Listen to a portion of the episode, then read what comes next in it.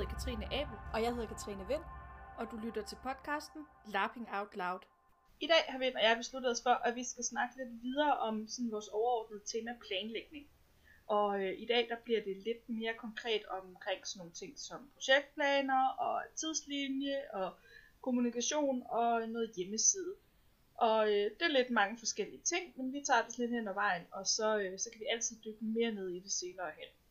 Ja, og det er jo en ret vigtig del af et scenarie, det her med, hvordan du kommer i gang med det, og man kan sige, at der er mange forskellige måder at gå til det på. Man kan også gå, øh, gå helt rogue, og så bare sige, nu begynder jeg at skrive på noget, og så er jeg færdig på et eller andet tidspunkt.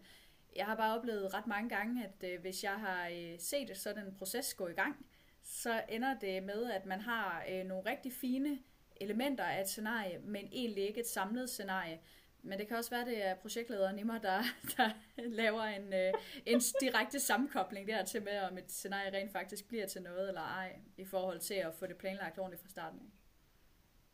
Ja, altså, og der, der tror jeg jo også, jeg er lige så, lige så skadet som dig. Jeg er jo også uddannet projektleder, så, så jeg har ret tidligt i processen brug for at vide, øh, hvor er vi henne, og hvor er vi på vej hen, og hvor skal vi ende. Øh, og der vil det, det siger vi så tit i den her podcast, men der vil helt sikkert sidde nogle mere lyttere derude og tænke, ah, men altså, hvor, man kan da godt tage det meget mere øh, lidt eller meget mere på gefyldende. Det kan man sikkert også, hvis man ikke hedder Vind og Abel. Men øhm, her kommer lidt om, hvordan vi i hvert fald tænker, man godt kunne gribe det an, hvis man godt kan lide sådan noget som planlægning. Ja, for ofte der vil det jo starte med en kreativ proces. Altså man har nogle idéer, man hyper, man snakker, man får nogle forskellige input, og det er klart, at for de fleste, der vil det kreative, specielt hvis man er designeren, vil jo stå, stå i forreste række. Men et scenarie kan jo også starte med en idé til en workshop, eller der er den her fede location, vi er nødt til at gøre et eller andet. Det synes jeg, der, der har været mange eksempler på de seneste år med, at man er startet med, vi skal virkelig ind på det her slot, og så finder vi lige ud af, hvad scenariet så skal dreje sig om derefter. Ja, og det er sjovt, fordi før i tiden, ikke også, der har jeg bare, altså, det har bare været, for mig været måden, man ikke kunne lave scenarier på. Fordi så var scenariet jo ikke drevet af den kreative, øh, det kreative, konceptuelle øh, øh baggrundstanke. Og det, der er jeg nok, øh, jeg synes øh, i dag, det kan være lige så fedt at lave et scenarie baseret på en setting. Fordi en setting er jo lige så vel noget, en krog, man kan binde sit koncept op på. Så der er jeg nok blevet lidt, jeg ved ikke, om man kan sige det klogere, men det ændrede min smag i hvert fald. Ja, og det er jo også noget med, at man kan jo ikke sige, at der er en bestemt måde, det er rigtigt at lave rollespil på, eller en bestemt motivation, der er bedre end andet. Det er bare rigtig interessant, øh, hvordan forskellige går til det. Men vi prøver at gå igennem her, hvordan vi ville gå til at lave et scenarie i dag, eller helt konkret er i gang med at lave scenarier i dag. Vil du starte, Abel, i forhold til, hvordan du vil gå til en, en skriveproces og at øh, arrangere et scenarie? Hvordan vil du, øh, hvordan vil du starte op? Ja, altså øh, man kan sige, at i starten af en hvilken som helst proces, så som, som du selv siger, der er jo et eller andet kreativ udspring.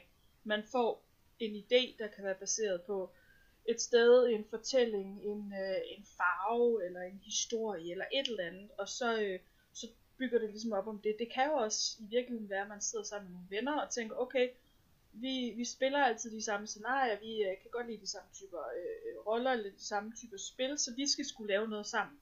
Og så, og så derfra, så kommer man ligesom øh, til en eller anden enighed om et koncept. Så man kan sige, meget af det, vi kommer til at tale om i dag, øh, er ligesom delen efter konceptet. Altså nu, nu er vi ligesom der, hvor nu har vi en eller anden øh, forståelse af, hvad det er for en type scenarie, vi skal lave. Vi har måske allerede besluttet os cirka, hvor det skal være, eller hvor langt det skal være, alle de her ting. Og, og så nu skal vi i gang med det reelle arbejde.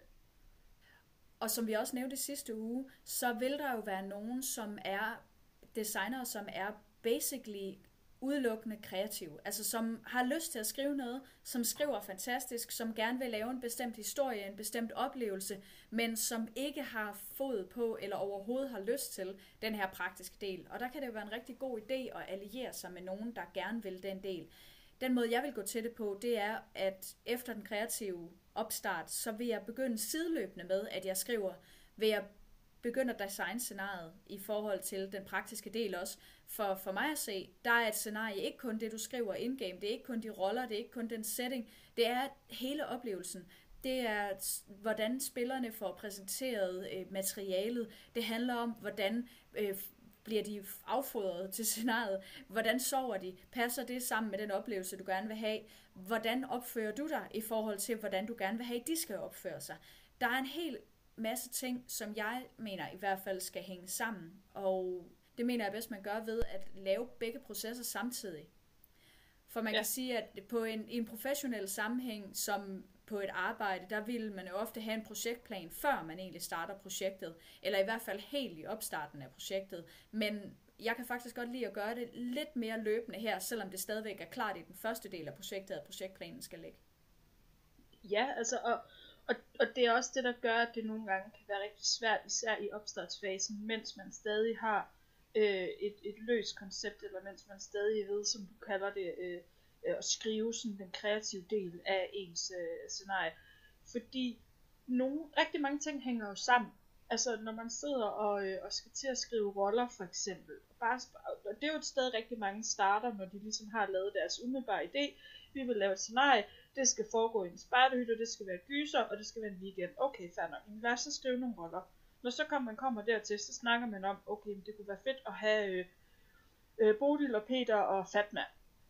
Og lige pludselig så har man, okay, når man øh, Bodil Peter Fatma, jamen øh, er det så, øh, så, så er det danske personer, yes, okay, når man skal de være kønnet, nå ja, okay, når man, hvis vi snakker køn på rollerne, oh, jamen, så skal vi måske også snakke om, hvilke køn, der kan spille hvilke roller, og lige pludselig så sidder man i en, en, en kreativ snak, men begynder også at tage konceptuelle snak, og så havner man måske endda over i den praktiske snak, fordi jamen, hvis vi har kønnede roller, skal de så være i par? Skal parne sove sammen? Hvor mange værelser har vi? Hvilke senge er det? Er det køjesenge? Er det, altså, det hele hænger sammen på den ene eller den anden måde.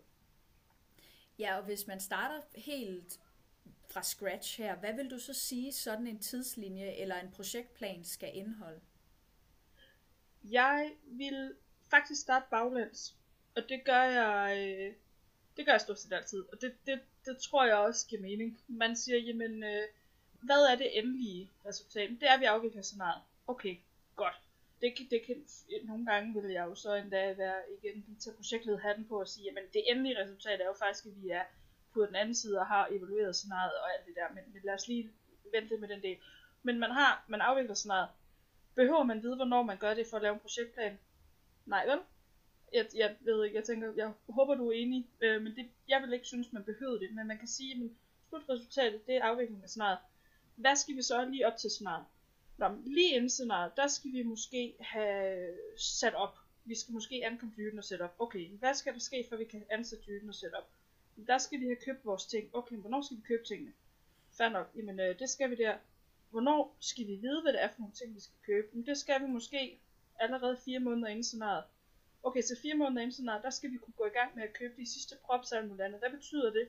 Det betyder, at vi skal have skrevet vores setting, vores karakter osv. færdig, for at vi ved, hvad det er, vi har. Og så på den måde arbejde sig baglands. Ja, for jeg synes også, du siger noget vigtigt der med, at man godt kan lave en projektplan uden at lave en tidsplan. Fordi nu øh, blandede jeg det lige sammen før, men tidslinje er for mig at se en del af projektplanen. Og det er, også ja. en, øh, det er også en del af projektplanen, der måske kommer lidt efter de andre ting, fordi man kan øh, nok sætte nogle tidsestimater på, hvor lang tid det tager nogle bestemte ting for hvilke mennesker, men præcis hvornår det konkret med datoer skal ske, det kommer jo altså an på, hvornår ens scenarie kommer til at løbe af stablen, eller hvornår man føler sig klar i forhold til det. Ja, lige præcis. Og, og i virkeligheden, så tror jeg, når jeg, jeg er jo sådan en, der tænker meget visuelt, så når jeg er inde i mit hoved, øh, bygger en plan, så, så tænker jeg den i virkeligheden i sådan et, et lukket hjul. Altså lidt ligesom hvis man har et årshjul, hvor man plotter ting ind, så tænker jeg bare et lukket hjul fra nu til slut. Det er sådan en cirkel, hvor i cirklen skal ting så placeres. Det, det, det er meget visuelt, men, men det er mere for netop at underbygge øh, pointen om, man behøver ikke vide, altså hvilke datoer ting skal ske, men bare hvornår de skal ske i forhold til hinanden, og så en cirka forståelse af, om snakker vi to dage inden, snakker vi en uge, en måned, et halvt år, altså hvor er vi henne i, i den her tidsforståelse.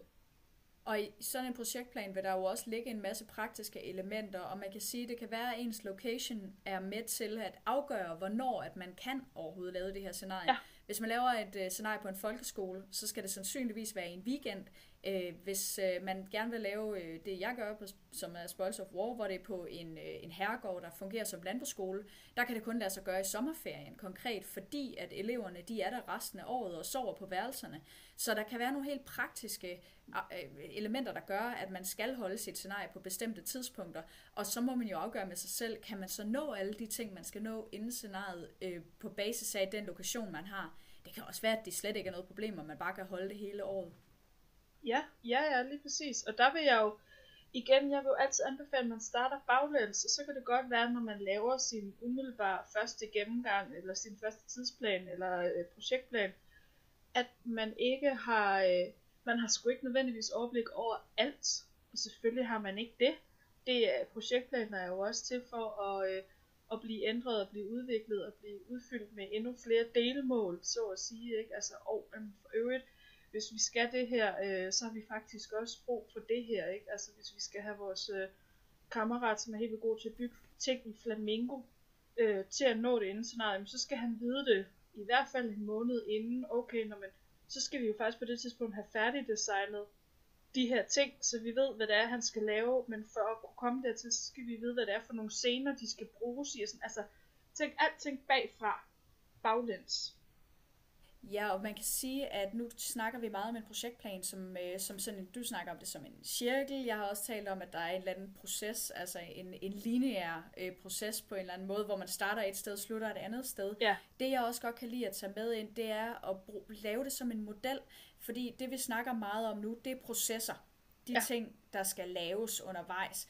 Men jeg plejer at se det som sådan en cirkel af, at vi har nogle processer, vi har nogle systemer, og så har vi nogle personer. Mm. Og systemerne, det er sådan noget med, øh, hvordan fungerer tilmeldingen, hvordan, hvad, hvad, hvad skal vores hjemmeside være lavet i, øh, hvad for nogle øh, sociale medier bruger vi. Det er sådan vores systemer, helt, op, øh, helt sådan basis også, hvor ligger vores karakterer. Så er der personer, hvem skal være involveret. Vi snakkede om sidst, at øh, man har tit brug for NPC'er og hjælpere. Er der andre øh, skribenter, man har brug for? Øh, hvem laver hvad i gruppen? Så det her med at tænke i, der er nogle processer, der bliver lavet af nogle mennesker med hjælp af nogle systemer. Mm. Det, det er i hvert fald den måde, jeg plejer at tænke på det på. Ja, ja helt sikkert. Og, og rigtig mange af de her processer foregår jo sideløbende med hinanden. Altså det er jo ikke nødvendigvis sådan, at det ene sker øh, øh, blum, og derfor så sker det næste. Noget af det vil jo også foregå oven i hinanden, og øh, afhængigt af hinanden, og ja, og, og i virkeligheden så er det måske også, jeg ved ikke, nogle gange så som sådan, øh, sådan en, der godt kan lide projektledelse, så tror jeg måske også nogle gange, man kan overtænke ting og lægge lidt for mange planer. Øh, så nogle gange er det mm. måske også meget sundt lige at træde et skridt tilbage og sige, okay, men hvad er det værste, der kan ske, hvis jeg ikke får, øh, får øh, siddet her og nørklet min øh, pæne, flotte, post-it øh, opbygget øh, Gantt øh, schema baseret projektplan færdig? Nå, vi har et rimelig godt overblik, så må ikke vi nok skal komme i mål alligevel. Så, så brug det som en hjælp altså hvis det bliver, begynder at blive benspændt, så, øh, så er det sådan lidt kontraproduktivt. Ja, for der er jo masser og masser af designere derude, som netop er kreative sjæle, ildsjæle, som er basically skide ligeglad med det praktiske, eller jamen, det finder vi ud af, når vi kommer derhen, fordi man er en visionær, der har lavet et mega fedt ja. produkt. Det er der jo masser af i rollespilsmiljøet. Og det er jo også derfor, at vi faktisk går så hårdt ind på lige præcis det her. Altså, en ting er, at vi er enige om det, men det er jo også noget med, at det er bare ikke altid sådan, det fungerer i rollespilsmiljøet. Så det er faktisk også for at komme med en kant til det, og fortælle, hvordan vi synes, det burde fungere hvis man skal have lidt mere stringens øh, i forhold til, hvordan man laver et scenarie. Ja, ja vi, vi, er, vi er nok fagnørder lige der, kan man måske godt forstå. ja, og der kan jo også være noget charme ved det der med, at man bare tager det lidt on the fly og så videre. Jeg vil bare sige, jeg synes ikke, det er sjovt at bare være øh, bare tage det on the fly, og så ellers sidde og være sulten en hel weekend, fordi der ikke lige har været styr på, at køkkenet skulle fungere. Altså, jeg gider det simpelthen ikke. Det er min fritid for, øh, for værdifuld til. Og når jeg laver scenarier, så har jeg også for meget respekt for folks tid og energi og penge til, at jeg vil risikere at lave noget, hvor jeg ikke lige er, har helt styr på det. Så kan der gå ting galt. Det gør der meget ofte, og der kan være ting, man skal håndtere undervejs. Men det jeg lever efter, både når jeg laver scenarier, men også i mit arbejdsliv, det er, at jo mere du ved, og jo mere du kan planlægge, jo mere overskud og rum har du til, når noget ikke går, som det skal, sådan at du kan improvisere på de punkter. Jeg er helt enig. Jeg er helt enig, og det er også, altså, øh, vi har snakket om det før, øh, også i, forbindelse med forventningsafstemning og kommunikation, men gennemsigtighed, og gennemsigtighed er altså også noget, man kan bruge både over for sig selv og sine samarbejdspartnere. Det der med at have en forståelse af sin egen proces, altså skabe gennemsigtighed, sådan, så man ligesom ved, jamen, hvad er det, vi har at gøre med, hvor skal vi hen, og hvad er det, hvad er det for nogle, nogle, nogle trin, vi skal igennem på vejen. Det betyder bare, at når lorten brænder, så ved du, øh, øh, så ved du hvor, hvordan du skal slukke den.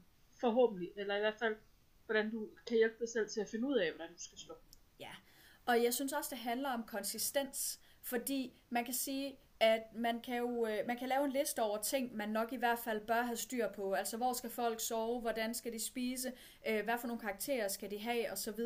Men der er jo også noget med, hvad vil jeg gerne kommunikere ud, hvornår.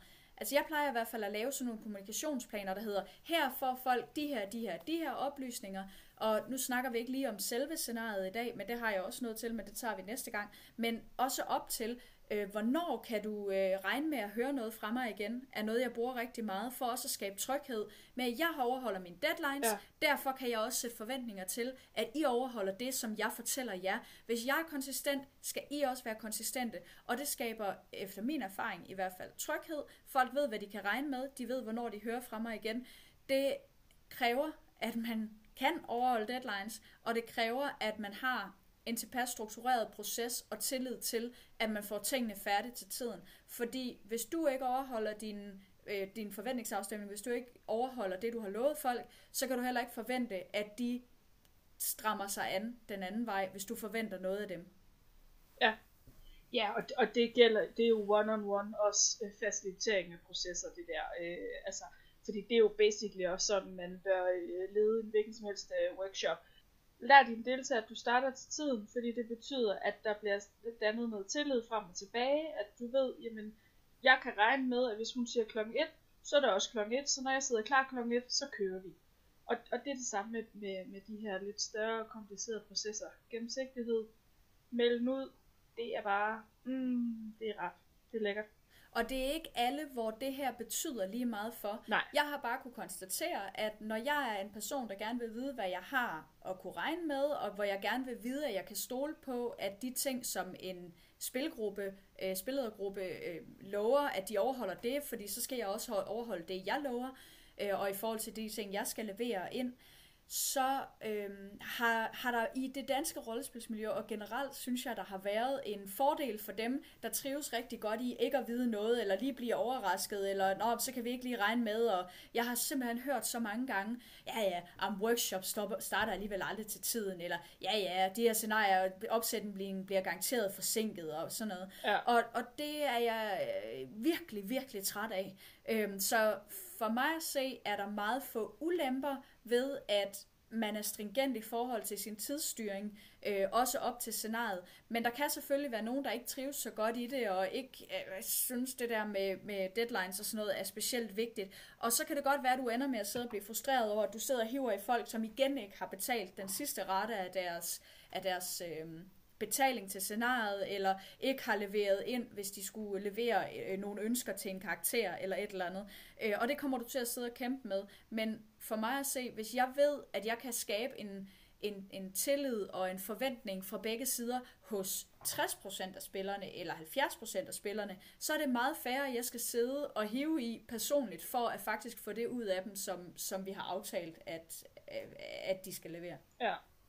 Ja, hørt, hørt, og det, det tror jeg i virkeligheden også, vi har, vi har sagt tidligere, øh, øh, overhold, øh, overhold aftalerne. Men, men apropos, nu har vi, vi har snakket lidt om det her med, øh, med kommunikation. Jeg kan se her på vores øh, fine noteark, der har du skrevet en sætning her, Vind, der hedder, du skal ikke kommunikere alt samtidig. Vil du ikke, øh, vil du ikke knytte lidt ord på det? Jo, det vil jeg gerne. Det hænger også sammen med det, jeg lige sagde før, med at man skal lave en plan for, det tager jeg lige tilbage. Jeg synes, at det er en god idé at lave en plan for, hvad kommer ud, hvornår af information. For eksempel er det ikke vigtigt for en spiller, som ikke har meldt sig til endnu, hvad din, øh, hvad skal man sige, hvad kunne det være? Øh, hvad øh, transportmulighederne hen til scenariet er. Det kan godt være, hvis, hvis der er et eller andet, der ligger ude, og man ikke kan komme derhen, så, så kunne det være vigtigt. Men altså, det første, de skal vide, det er, hvad får jeg til scenariet? Hvordan kan jeg sove? Hvordan kan jeg spise? Øh, hvad får jeg af GM'erne? Øh, hvad er settingen? Og, og det er vigtigere til at starte med end fotopolitikken, for eksempel. Ja. Så det handler også om, at man kan kun tage så og så meget information ind om af gangen, nu skal jeg nok vente med under selve scenariet til næste gang, men det handler også om, at hvis du har flere briefinger, så sørg for, at den rigtige information kommer på det rigtige tidspunkt. Og ja, det gælder altså også her før scenariet. Altså, hvad skal man vide for at kunne melde sig til? Er ikke det samme som, hvad skal man senere vide i forhold til kostymer og så videre? Nej, jeg er helt enig, og man kan sige, at der er forskellige måder at ligesom launche sit scenarie på.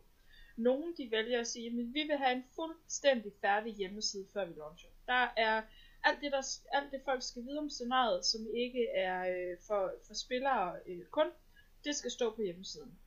Og det er jo en måde at gøre det på. Der er også nogen, som vælger at sige, at alt skal stå på scenariet, helt ligesom øh, gruppe A, kan vi kalde dem. Men vi sørger for, at på forsiden af vores hjemmeside, der står alle de informationer, som spillerne har brug for at læse for at kunne melde sig til scenariet, fordi så skal de nok dykke ned i hjemmesiden senere hen. Nogle de launcher med kun at lægge et øh, designpapir op, for eksempel, hvor de skriver de her ting, der er relevant, og så siger de, tilmelding åbner her og her, og der kommer også en hjemmeside op, men alt vi har brug for at vide for at kunne melde til, det står i det her dokument. Ja, for det er jo en ret vigtig design-ting også, hvordan præsenterer man sit scenarie for første gang, for man kan sige, at ens scenarie starter jo for alvor det øjeblik, du launcher det ud til offentligheden.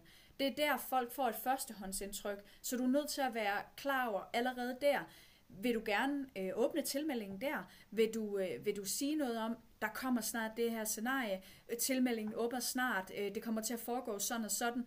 Det er, en, det er det første kontaktpunkt, du rent faktisk har med dine potentielle spillere, så jeg vil i hvert fald anbefale, at man har tænkt længere frem allerede der, altså, og at man ikke launcher før, at man har de næste par skridt allerede klar. Ja, og, og egentlig også gerne, hvis man er rigtig sej, så har man også tænkt, okay, nu launcher vi en hjemmeside, der er de her ting på, de skal være på fra start. Og så har vi nogle undersider, som vi stadig arbejder på. Endelig beskrivelse af religion eksempelvis, kunne være, det kunne være et eksempel. Fordi tit så er det sådan noget, man lige nørkler med, og det er ikke noget, der er kritisk nødvendigt ved, ved åbning af sådan noget. Hvis man er rigtig sej, så har man også tænkt, hvor på hjemmesiden skal det lægges, og hvordan breaker vi nyheden om, at nu er der altså kommet noget ny information op. Fordi på den måde, så kan man altid tænke hen, og så kan man sige, okay, jamen, så har vi, vi har delt menuerne op her, og så kan vi eventuelt se de her ting løbende, som det kommer. Så breaker vi det på Facebook, vi lægger det måske på forsiden, der har vi måske sådan en lille newsbox ude i siden, eller et eller andet. Men, men har det i hvert fald med, fordi man kan sagtens have alting oppe fra start af. Man kan også godt gøre det løbende, men kommunikere det ud, det er det vigtigste. Ja, for her der har der jo også været en visuel designproces allerede, sådan at, at din hjemmeside eller din Facebook-gruppe, man, altså man behøver jo i princippet ikke at have en hjemmeside, hvis det er, men, men i hvert fald, at, øh, at det materiale, man har, at det på en eller anden måde kommunikerer det, man gerne vil sige med scenariet. Det kan jo også være, hey, vi lægger ikke lige så meget arbejde i øh, lige præcis den visuelle del. Vi laver et weekendscenarie, det bliver super hyggeligt, det, eller det bliver super intens, fordi vi gør sådan og sådan. øh, det bliver måske mere øh, blackboxy, så man behøver heller ikke så meget kostymer. Altså, man kan jo også sætte en forventning, der hedder, prøv at høre her, I kan tage med nærmest uden nogen forberedelse. Det er meget sådan lav bare for at komme med til scenariet. Til gengæld så bliver de her, de her dele rigtig fede. Så der er også noget med, at du skal have gennemtænkt din visuelle identitet. Du skal have overvejet, hvilke kanaler du vil kommunikere øh, på, og hvordan. Fordi selvom du får lavet en rigtig flot hjemmeside hos nogen, så øh, skal folk vide, hvordan de kommer til at kommunikere med dig, og hvordan du kommer til at kommunikere med dem. Altså, jeg vil sige langt ofte, så der jeg ser scenarier, det er på Facebook. Altså, men ja. man kan sige, er det nødvendigvis der, alle information skal være? Altså, jeg har et princip om, at jeg sender ikke noget essentiel information ud i Facebook-grupper øh, til mine scenarier, som ikke også kommer på e-mail. Og ligesom siger fra starten af, e-mail er min primære kommunikationsform. I skriver her og her på den her e-mail, hvis I vil have et officielt svar. Og så er Facebook-gruppen et supplement med, husk nu, at der er kommet en e-mail, eller husk betalingsdato, eller her kan I finde hinanden, hvis I skal snakke relationer. Så ja. i hvert fald være klar omkring ikke bare, øh, hvornår du kommunikerer det, men også via hvilke kanaler, og gør det klar, så folk ved, hvad de skal holde øje med. Ja, og to pointer. Jeg er personligt ikke kæmpe stor fan af Facebook som det eneste kommunikative øh, virkemiddel, fordi jeg synes, ting bliver væk på Facebook. Og det er sådan en... Det er et, Facebook er et rigtig dårligt arkiv i virkeligheden. Øh, men, men det kan godt lade sig gøre, og der er, øh, jeg har både deltaget i scenarier og ved, kender til scenarier, som kun bruger Facebook som deres primære, øh, hvad hedder det, øh, kommunikationsplatform. Og, og det, det kan man godt. Det er en smagssag.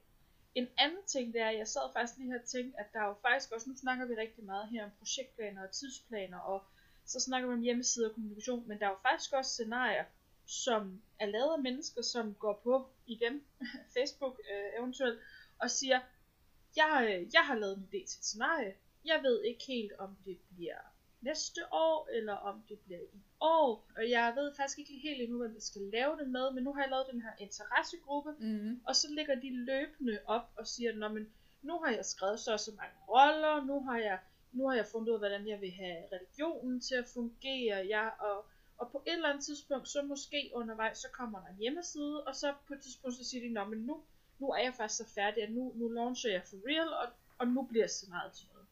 Så det, så det er lige for at give en, en anden vinkel på hele det her projektplan og tidslinje, fordi det, du og jeg, vi, vi får det sgu til os lidt til at lyde som om, at nu skal man bare sætte sig noget styr på alt sit lort fra start. Og det behøver man ikke. Altså ikke, jeg har været til rigtig, rigtig fede scenarier også, som er blevet skabt på den her måde, lidt hen ad vejen. Og det handler jo alt sammen om, hvilket hjerte man, som du også Vind har sagt rigtig mange gange, det handler også lidt om, hvilket, hvilket hjerte, altså designer hjerte man har. Så det kan godt lade sig give sig hele vejen rundt. Men jeg synes, det er en rigtig god pointe, altså i forhold til, at man, at man også kan melde noget ud mere usikkert, end det er.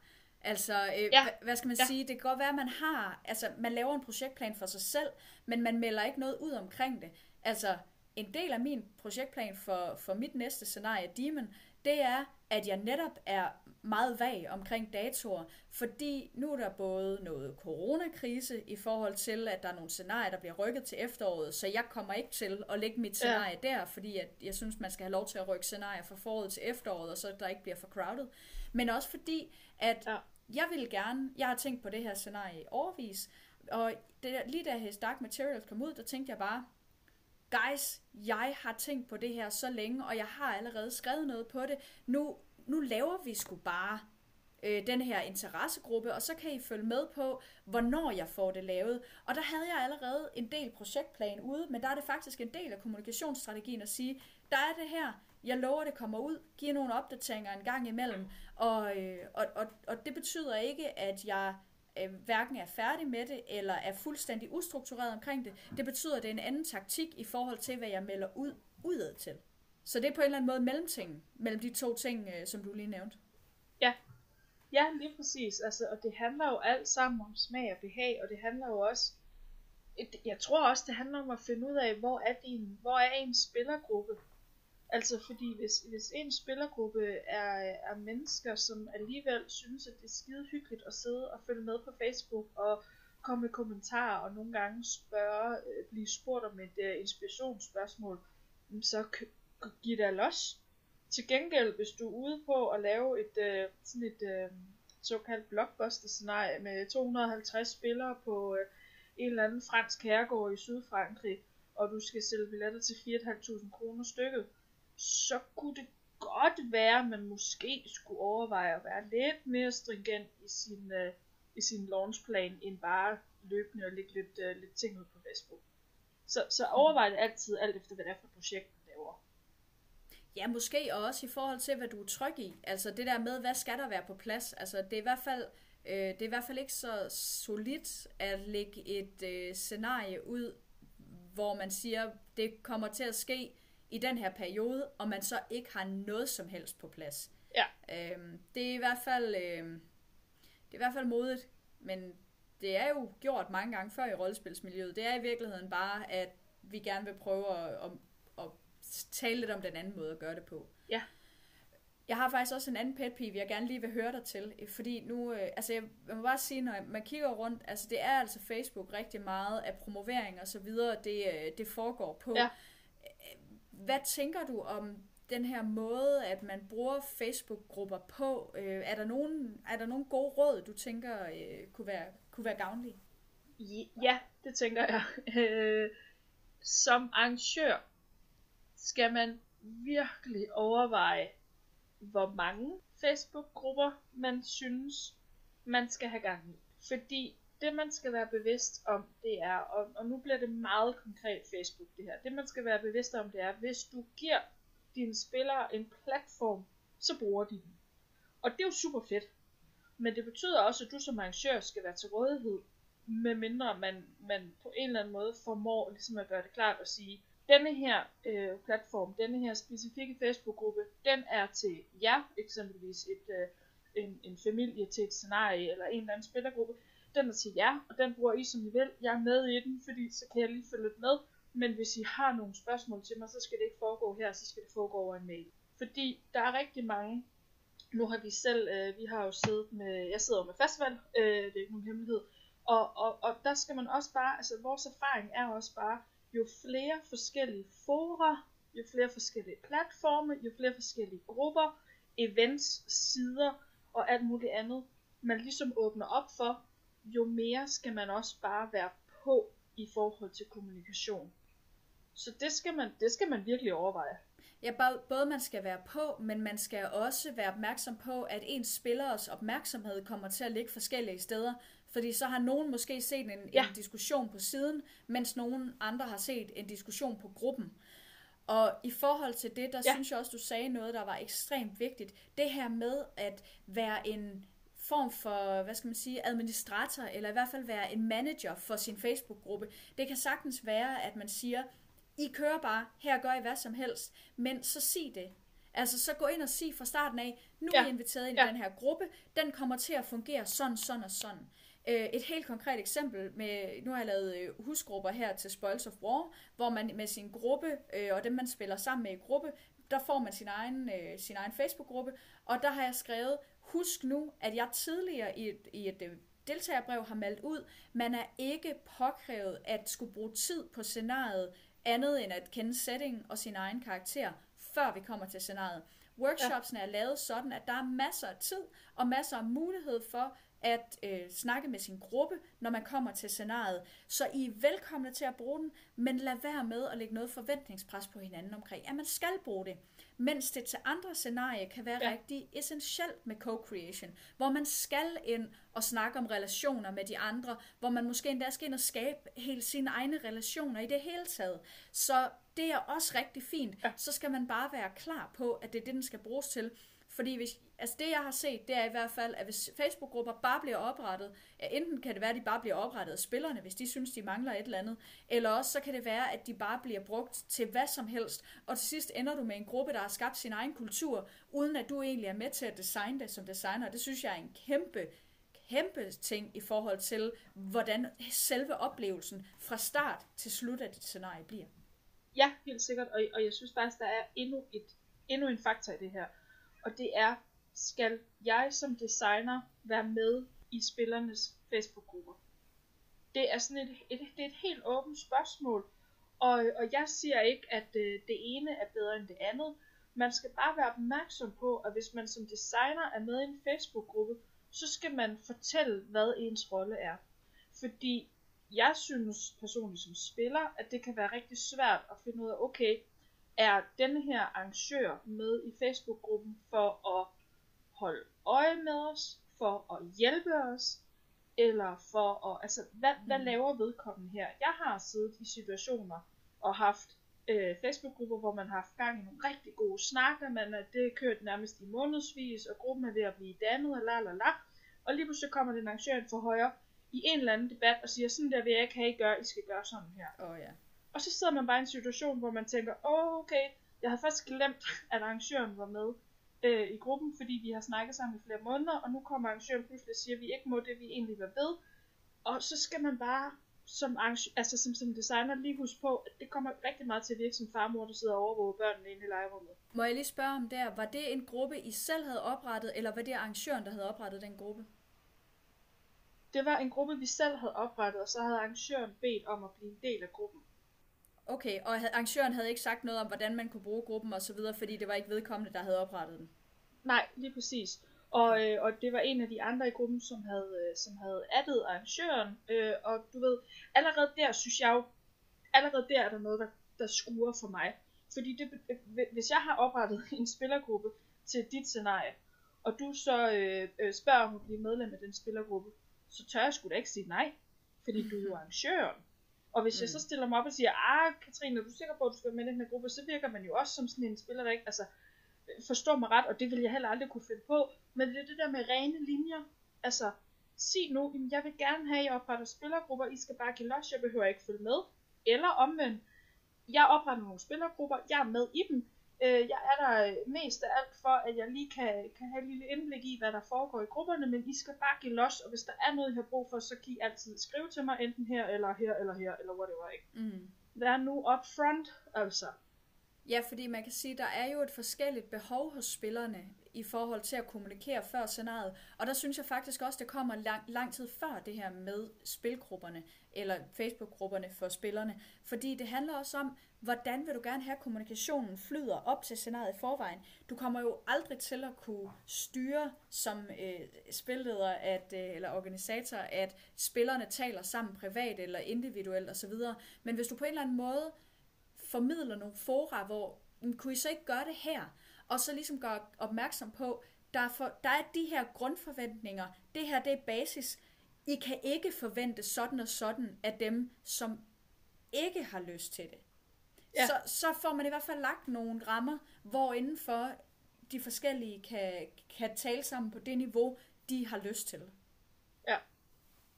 Jamen, jeg er helt enig. Jeg er helt, helt enig. Ej, hvor vi kloge, var lad, lad, os nu, øh, lad os nu høre, om der er nogen derude, der har nogle, øh, nogle andre pointer til det her. Øhm, det, kan godt, øh, det kan godt nogle gange lyde som om, at vi, øh, vi er alt for enige, når vi, når vi sidder og snakker sådan her, men det handler også om, at vi har nogle forskellige perspektiver på, hvad kan man gøre, og hvad har vi oplevet. Øh, men det bliver jo enormt anekdotisk på den måde, så derfor vil vi jo også gerne høre fra alle jer derude, hvad har jeres oplevelser været med, med for eksempel Facebook-grupper i forhold til, at øh, arrangørerne har, øh, har oprettet dem, eller ikke har oprettet dem, eller hvordan, hvordan har kommunikationen op til scenarier været øh, på forskellige tidspunkter, og hvad har været godt, hvad har ikke været godt.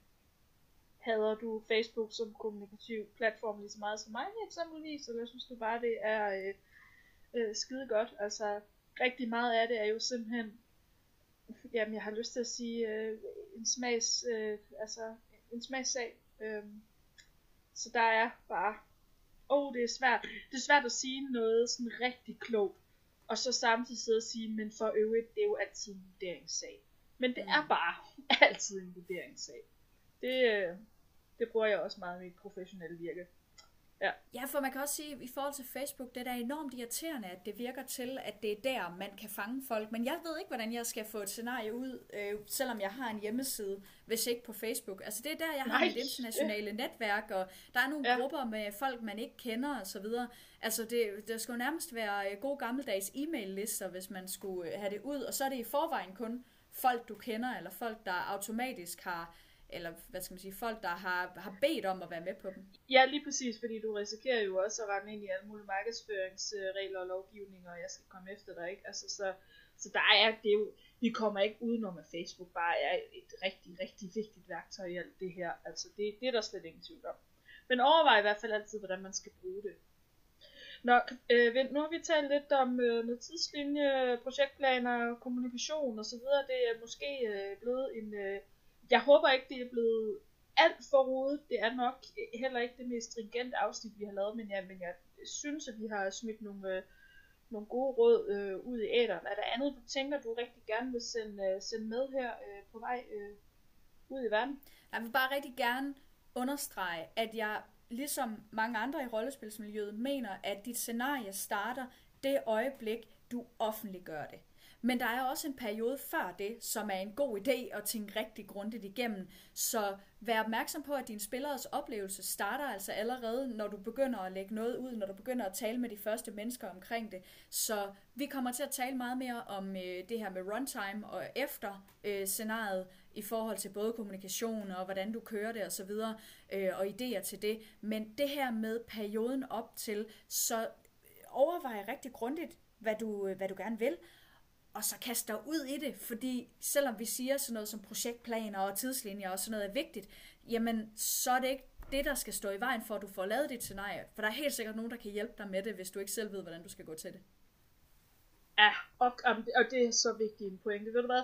Det er 100 gange federe at gøre noget, og så fejle en smule undervejs, men at få det gjort, end at sidde 10 år senere og bare have øh, ja, halvt så stor en skuffe som min af uf- ufærdige scenarieidéer, jeg fik skrottet allerede inden jeg overhovedet kom ud af rampen, fordi, åh oh nej, tænk nu, og hvad nu hvis, og alt muligt andet. Altså, gør det, gør det, gør det, gør det, og, og jeg ved, vi har sagt det før, men spørg, spørg til rådet, altså gå ud og, og hive fat i folk og sige, hey, jeg har set dig, du kan, du, du, ja, du har lavet det her, og der lavede I det her helt vildt godt, må jeg ikke lige spørge dig om. Altså, vi rollespillere, vi elsker at blive spurgt til råds. Altså, det, det er noget af det, jamen, det, er, det er virkelig noget af det, jeg elsker på det her community. Der, folk elsker at blive spurgt til råd. Der er ikke nogen, der sidder og føler sig øh, fornærmet over, at man tillader sig at sige, hey, øh, jeg har brug for hjælp til det her, hvad synes I, jeg skal gøre? Ja, det er så fedt.